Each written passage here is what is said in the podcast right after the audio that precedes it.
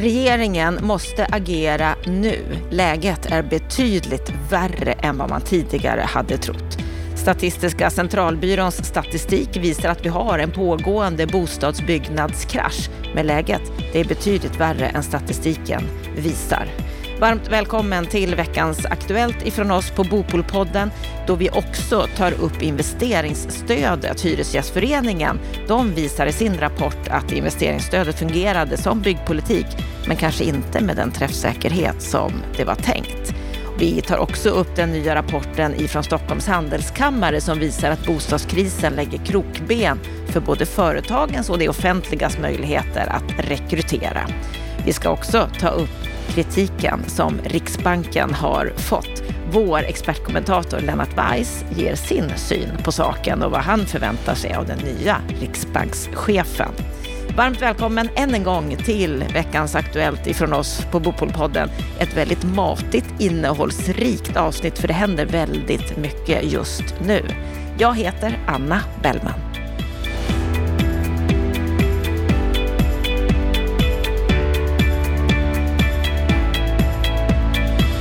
Och vi börjar veckans Aktuellt med ny statistik från Statistiska centralbyrån, SCB, där det visar sig att bostadsbyggandet halverades under det första kvartalet jämfört med samma period förra året.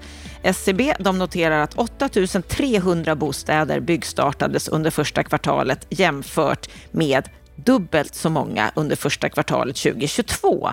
Lennart Weiss, vad säger du om de här siffrorna? Observera då att det här är just jämfört med första kvartalet 2022. Jämför du med första kvartalet eh, 2021 eller om man jämför 2023 mot 2021 så kommer ju det här eh, som pågår nu, det är en krasch i slow motion, eh, förvärras. Alltså, men, men, redan de här siffrorna säger ju precis vad vi har talat om flera gånger i Bopolpodden.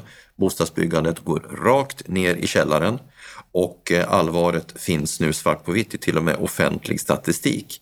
Och då, och, och då påminner jag igen om att statistiken för på, påbörjade bostäder talar om startbesked, inte spaden i marken.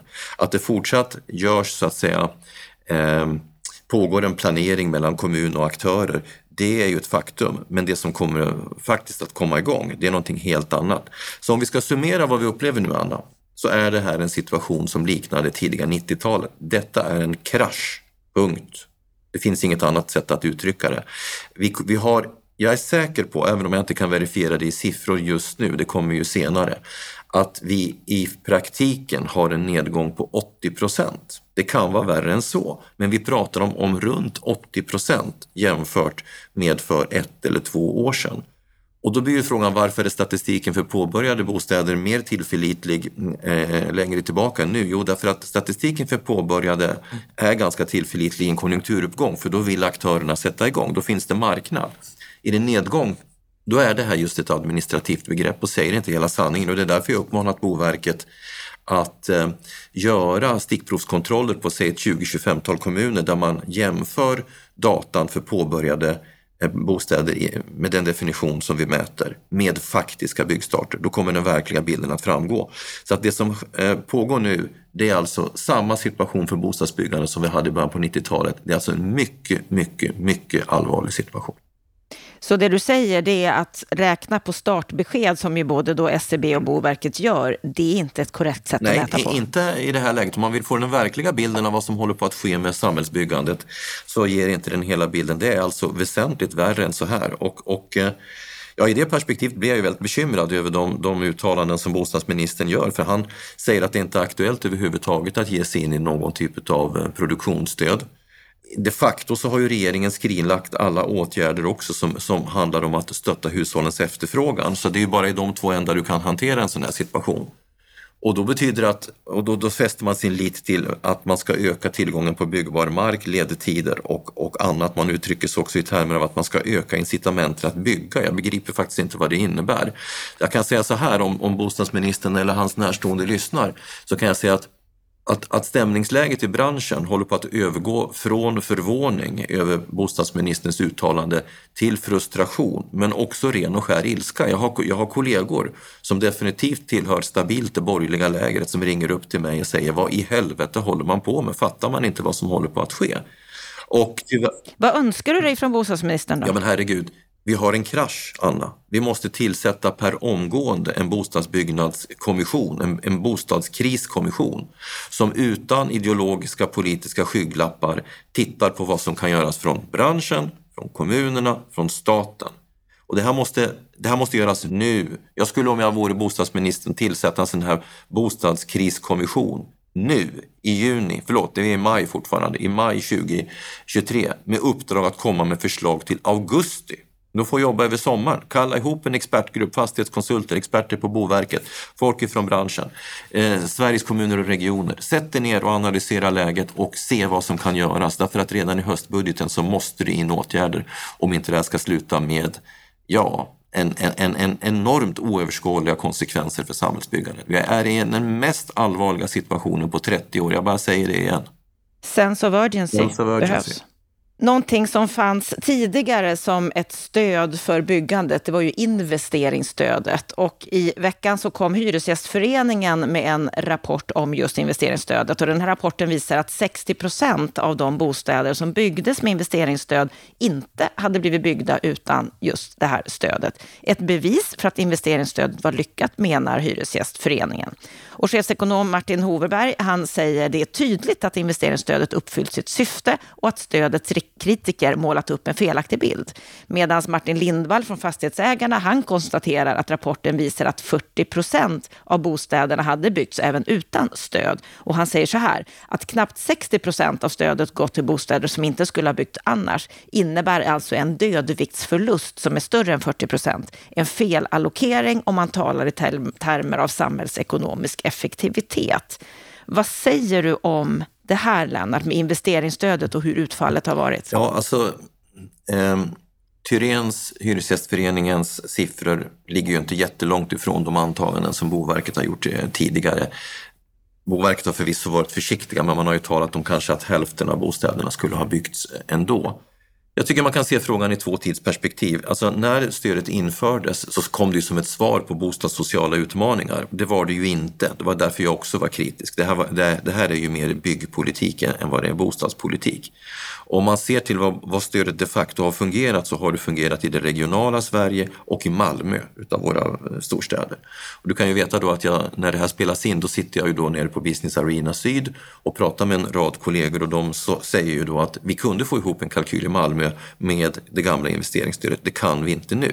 Så att om man har som mål att liksom befrämja byggandet i största allmänhet, då kan man säga att stödet ändå fungerade.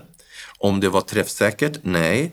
Om det främjade byggandet där det främst behövdes. Det vill säga, kan, eh, då talar vi faktiskt om de centralare delarna utav Stockholm och Göteborgsregionen där eh, de här bostäderna hade behövts för arbetsmarknadens behov.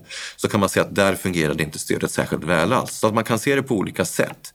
Om man, om man kopplar frågan till den aktuella debatten, så kan man ju, alltså det aktuella tillståndet till marknaden, så kan man ju säga att nu har vi ett läge där vi behöver ett produktionsstöd på ett eller annat sätt. Och du, vänta, det här är bara frågan om tillvänjning utav läget. Förr eller senare så kommer regeringen att behöva krypa till korset med någon typ av utbudsbefrämjande stöd som ligger på den finansiella sidan. Alternativet är att man måste stimulera hushållens efterfrågan på ett sätt som går i konfrontation med kreditrestriktioner och annat och det verkar ju inte heller vara liksom läge. Så att i, i valet mellan de två alternativen så kommer de att tvingas, tror jag, då, att välja Eh, att eh, komma med någon typ av produktionsinriktat eh, stöd. Det är jag ganska säker på. Så att det beror på hur du diskuterar för den här debatten. Jag, det är allom känt att jag inte var jätteentusiastisk för investeringsstödet, men efterhand som vi fick problem till exempel hösten 17, våren 18 så erkände även jag att produktionsstödet spelade en roll för att hålla byggandet uppe.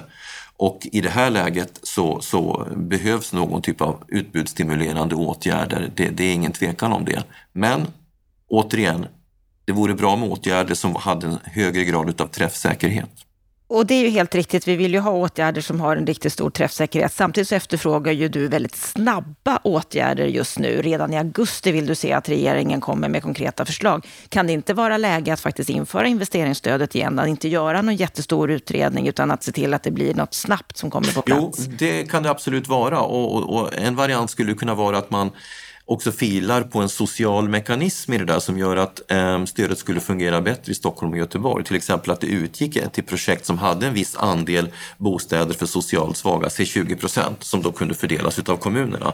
Då pratar vi om någon sorts insprängda sociala bostäder och inte social housing så som vi brukar prata om det i debatten.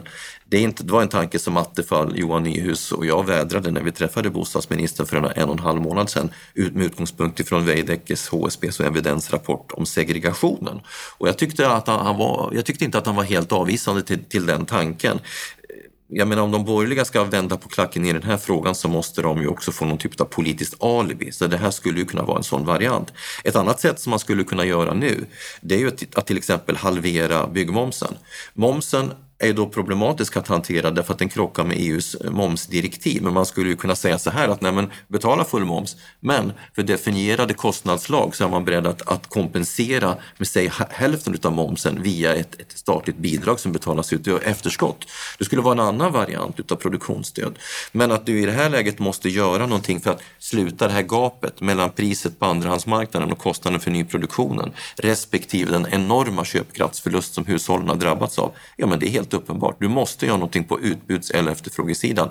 Gör du ingenting, då säger jag igen, då har vi en formidabel samhällsbyggnadskrasch framför oss.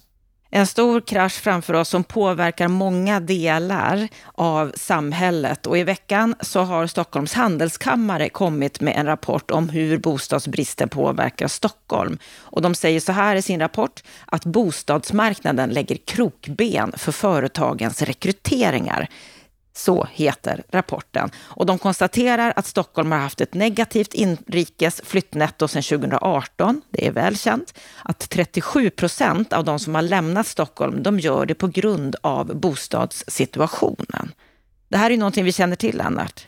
Hur allvarligt ja, det här har speglats i Veidekkes marknadsrapporter ganska länge och faktum är att eh, vi har haft en nedgång av det inrikes flyktnettot sen, sen eh, bolånetaket infördes. Så att det har varit en trend. Och, och, och att det sen gick till net, eh, negativa tal 2017, 18 någonting sånt där. Det beror ju helt enkelt på att kreditrestriktionerna har bitit allt mer. För vi ska då betänka, vilka är det då som väljer att lokalisera sig i regionens periferi? Jo, det är unga barnfamiljer, det är familjebildare. När de då när singlar blir par och ska bilda familj, skaffa barn, då fungerar det inte att bo i de små bostäder som, som, som har byggts då i Stockholm, ettor och, och små tvåor, utan det behövs något större och då flyttar man. Och då betalar man helt enkelt med längre pendlingstid. Det, det förorsakar en utglesning utav kommun, av regionen, det blir min, den blir mindre effektiv och den hämmar naturligtvis arbetsmarknadens utveckling. Så att jag håller helt med om analysen, det här är mycket, mycket allvarligt. Och eh, fortsätter den här utvecklingen ja då kommer ju Stockholm att få svårt att försörja offentliga sektorn med eh, yrkesgrupper som behövs. Jag menar, vi pratar om sjuksköterskor, människor i barnomsorgen, lärare, poliser. De kan inte etablera sig i Stockholm och hur ska vi då liksom eh, besätta de tjänsterna? Så det är den ena aspekten och den andra är att en allt större andel av den ekonomiska tillväxten kommer att ske utanför de dynamiska regionerna för företagen kommer att välja att etablera sig någon annanstans. Så det här är extremt allvarligt. Så det är ytterligare en sida utav den samhällsbyggnadskris vi är på väg in i. En samhällsbyggnadskris som blir en samhällskris. Riktigt. Det Stockholms handelskammare föreslår i sin rapport, det är fyra åtgärder. Förändringar i hyressättningssystemet, lättnader kring kreditrestriktionerna, en reformerad byggpolitik och stödåtgärder för att rädda byggandet, som att se över markpriser. Kort, Lennart, vad säger du om de här förslagen? Ja, delar av dem är ju bra. Jag har ju i och för sig svårt att förstå hur, hur fri hyressättning skulle kunna hjälpa det här problemet därför att det skulle ju inte ge billigare bostäder, mer tillgängliga bostäder. Men det är klart att det skulle öka rörligheten i bestånden möjligen möjligtvis. Då. Däremot är det ju helt relevanta synpunkter när det gäller kreditrestriktioner, markpriser och annat. Men, men vi behöver helt enkelt få en bostadspolitik som fungerar både för arbetsmarknaden och bostadssociala ändamål. Det är ju det som, som Handelskammaren säger och på den punkten kan jag bara understryka det de säger. Vi ska gå vidare och prata om att regeringen har ändrat i direktiven för en utredning som tillsattes av den socialdemokratiska regeringen för ett knappt år sedan. Det handlar om förköpslagen, där kommuner vid vissa tillfällen ska kunna gå in och köpa fast egendom. Och den nya regeringen, de har tagit bort de flesta av de förköpsgrunder som fanns tidigare. Kvar har lämnats tillfällen där man bekämpar organiserad brottslighet och gynnar försvarets intressen. Det nya direktivet sägs också att man ska kunna ta fram förslag som ska påskynda digitala överlåtelser av fastigheter. Och fastighetsägarna är positiva till det här. Vad säger du Lennart? Ja, alltså jag, jag, jag gjorde så att jag passade bollen till min före detta strategiska rådgivare Attefall som tyckte att den här gamla förköpslagen var ett uttryck för socialdemokratisk ideologisk klåfingrighet. Han var aldrig så vass i sina uttalanden mot mig när jag betalade hans fakturor så det har hänt någonting sedan han har blivit landshövding. Det, ju, det, säger ju en del, eller hur Anna? Jag är lite kluven. Jag kan nog tycka så här att det hade haft sina poänger med en modern eh, förköpslag och det var ju också intentionen. När man läser då eh, texten till, eller direktiven till, till den här utredningen som S-regeringen tillsatte så var ju, gick det ju tillbaka till uttalanden som Boverket gjorde redan i slutet på 00-talet att det behövdes en förköpslag för att kunna Eh, bedriva en effektiv samhällsplanering. Eh, det kan ju gälla liksom anläggning utav eh, energiplanering eller bostäder eller vad det nu är. Men den gamla lagen var inte tillräckligt effektiv utan man ville ha en modern sån lag. Jag kan tycka det är lite synd att inte utredaren fick chansen att titta på det här för regeringen hade ju haft alla möjligheter att sen välja de förslag som man föredrog ändå. Så det finns ett drag utav ideologiska markeringar här som jag tycker är olyckliga. Sen kan jag väl tycka att, att det man då ska fortsatt titta på åtgärder för att eh, parera organiserad brottslighet eller försvarets intressen. Jag kan tänka mig att det bland annat handlar om, handlar om den av ryska ambassaden ockuperade fastigheten på Lidingö som det har varit en del om i media skulle kunna hanteras av en sån ny lagstiftning. Ja men det är ju bra, men varför måste man eh, var så snabb med att dra in direktiv. Ja, sånt som är uppenbart dumt, som till exempel ett statligt byggbolag, det är ju bra att man har skrinlagt. Liksom. Det hade ju, ingen, hade ju aldrig fungerat ändå. Men, men, men här tycker jag att man, eh, det blir lite för mycket ideologiska markeringar för min smak. Ja, vi ska gå vidare och titta på en annan aspekt ifrån den lite märkliga situation som vi ju har just nu när det gäller vår ekonomi. Hur har egentligen det här ränteläget, inflationen, skötts av vår riksbank? Tre forskare, bland annat John Hassler som vi har mött ett par gånger här i podden, han utreder ju också kreditrestriktionerna, har på uppdrag av finansutskottet analyserat Riksbankens agerande under 2022. Och här framför man rätt frän kritik mot dåvarande riksbankschefen Stefan Ingves agerande. För det första så var inflationsprognoserna undermåliga även med hänsyn tagen till den stora osäkerhet som förelåg. Och för det andra så borde höjningen av styrräntan ha skett tidigare även givet den inflationsinformation som fanns. För det tredje så borde kommunikationen ha tydliggjort olika tänkbara scenarier för inflationen och framtida styrräntor. Och för det fjärde så borde värdepappersköpen ha vänts till försäljningar tidigt under åren. Ganska så frän kritik som de här tre forskarna riktar mot Riksbanken. Och du Lennart, du har ju varit kritisk mot Ingves tidigare. Hur ser du på den här kritiken som vänds mot honom nu? Ja, ja det är ju välkommet att kritiken så att säga formuleras från auktoritativt håll och, och presenteras eh, och att finansutskottet ställer sig bakom kritiken. För den här kritiken har ju vädrats ganska länge. Eh, det är ju många nationalekonomer som har sagt samma sak. Vi i Bopolpodden här har precis som du refererar varit kritiska till de skarpa kasten, att man eh, som kom då alldeles för sent. Man skulle naturligtvis mycket tidigare ha, ha um, bromsat den här expansiva penningpolitiken. Man borde inte ha fortsatt med, med eh, de här kvantitativa lättnaderna som ju drev upp en en het eh, marknad för företagsobligationer som ju biter fastighetsbranschen i rumpan nu. Men, det, men, men eh, vi har ju pratat flera gånger att Ingves hade ett starkt dogmatiskt drag och jag tror att det handlar väldigt mycket om när han då inte fick det samlade ansvaret för den finansiella stabiliteten. Då utbröt någon typ av barnsligt trots. Då skulle han bara fokusera på att få upp inflationen.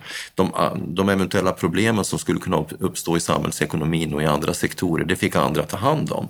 Alltså han brydde sig inte så mycket om den finansiella stabiliteten stabiliteten. Här skulle man få upp inflationen till varje pris. Och det har fått de här konsekvenserna och nu har vi det svart på vitt och, och Sveriges eh, finans, finansutskottet ställer sig bakom det här och det är klart att det är en kritik och du kan också notera att Thedéen har tagit till sig den här kritiken så att när han i ett långt tal här i veckan på Nationalekonomiska föreningen i, i Uppsala kommenterade politiken så kan man säga att han har tagit den till sig och markerar en, en, eh, en delvis annan linje. Det uttrycks ju väldigt inlindat och försiktigt men jag tror, även om jag också varit kritisk mot Thedéen i vissa avseenden, att han kommer vara en klokare riksbankschef i det här avseendet och eh, vara mera, ta större hänsyn till den finansiella stabiliteten och det tycker jag är bra.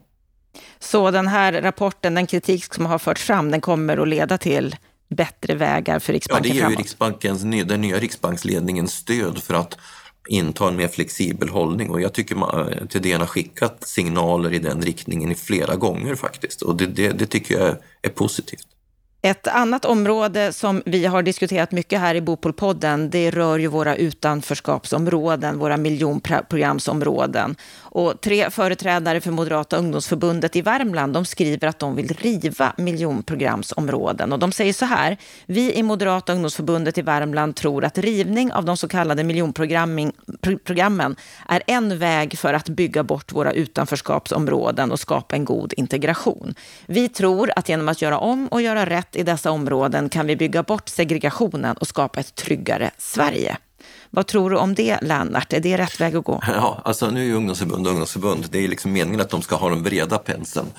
Eh, ja, alltså göra om och göra rätt kan jag hålla med om, men frågan är vad som är, är rätt då? Man måste ju först ha ett svar på frågan vad ska de människorna bo då, som bor i de här husen? Och, och så långt verkade de inte tänka där i, hos Moderaterna i Värmland.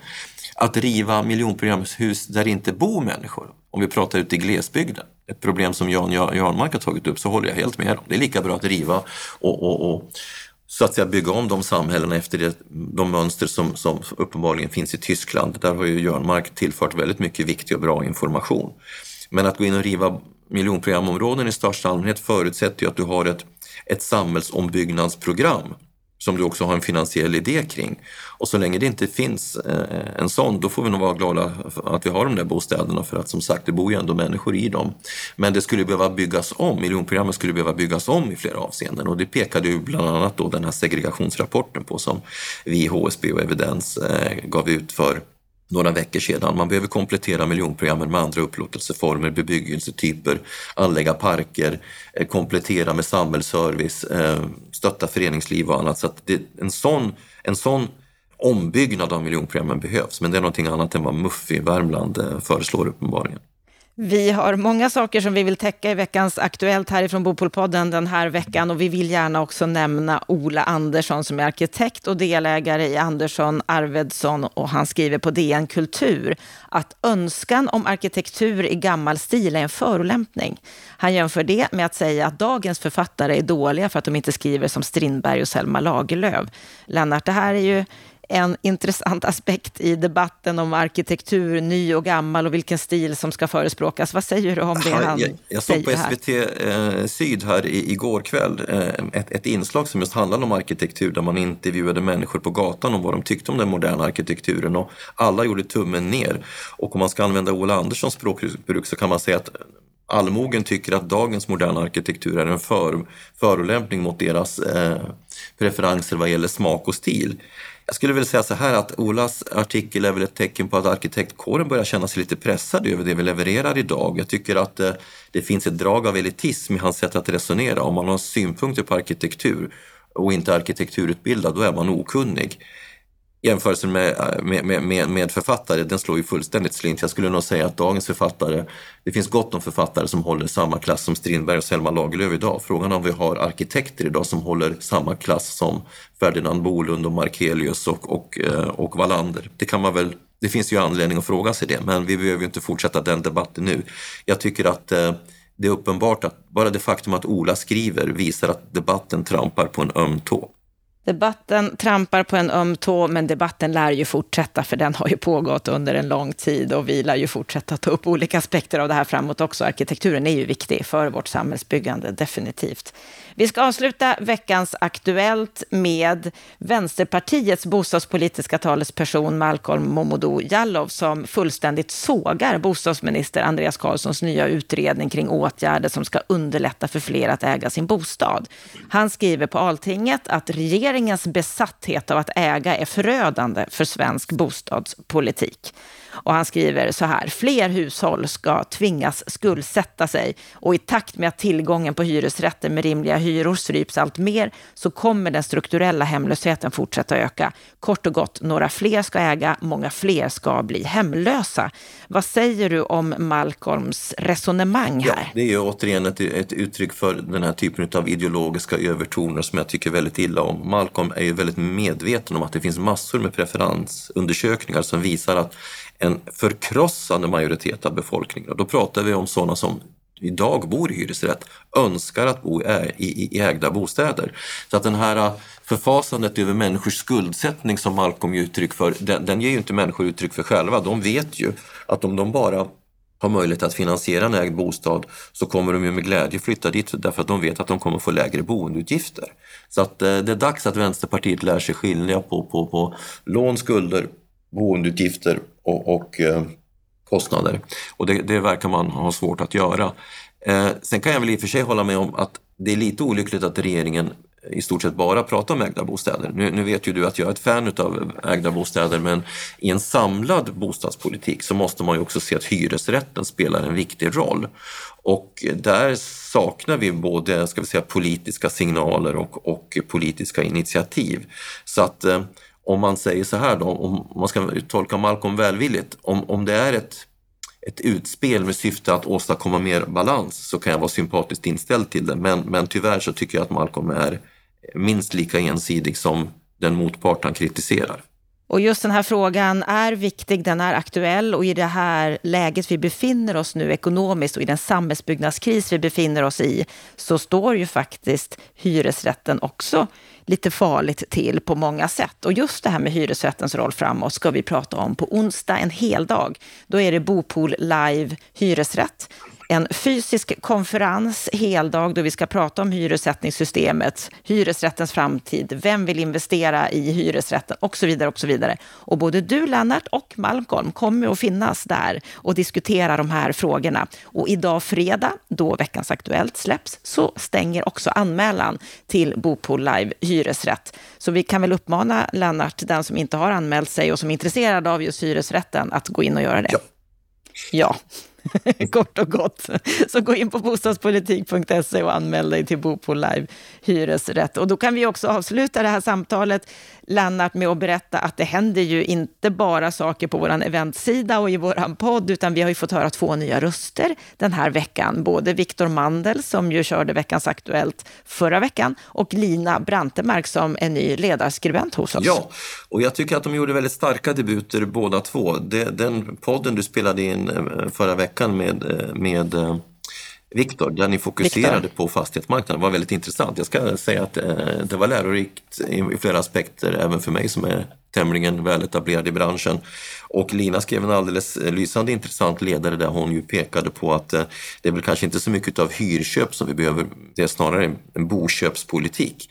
Eh, och det var ett väldigt konstruktivt och intressant inlägg med referenser till Norge som var klart läsvärt.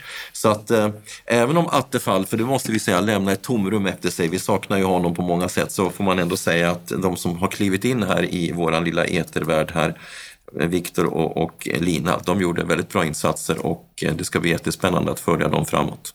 Och är det så att du verkligen vill följa allt som sker, då ska du teckna dig för nyhetsbrevet som går ut varje vecka, tisdagar och fredagar. Det gör du om du går in på bostadspolitik.se. Och Bopolpodden, vi sänder ju två avsnitt i veckan, Veckans Aktuellt på fredagar och ett fördjupat samtal på måndagar. Och nu på måndag, då ska du få träffa Jenny Karenko som är en av grundarna till Utfallsfonden. Tillsammans med någon form av hyresgaranti då, så, så eh, kan Utfallsfonden då finansiera Stadsmissionen. Det vill säga vi tillför pengar till Stadsmissionen så att de kan då dels hyra lägenheterna och dels eh, genomföra de här insatserna. Och vi sluter då ett kontrakt sen med en kommun där vi kommer överens om att om de här familjerna som vi nu arbetar med på det här sättet, om för varje familj som efter, säg tre år har ett en bestående bostadslösning med kontrakt i sitt eget namn så utgår då en, en betalning från kommunen. Det är så, då så de betalar för resultatet? Det är först då de betalar för resultatet. Ja, där hörde du Jenny Karenko. Hela samtalet det hör du på måndag. Stort tack Lennart för veckans Aktuellt. Stort tack till dig som lyssnar på Bopolpodden. Med detta så önskar vi dig en riktigt trevlig helg så hörs vi på måndag igen.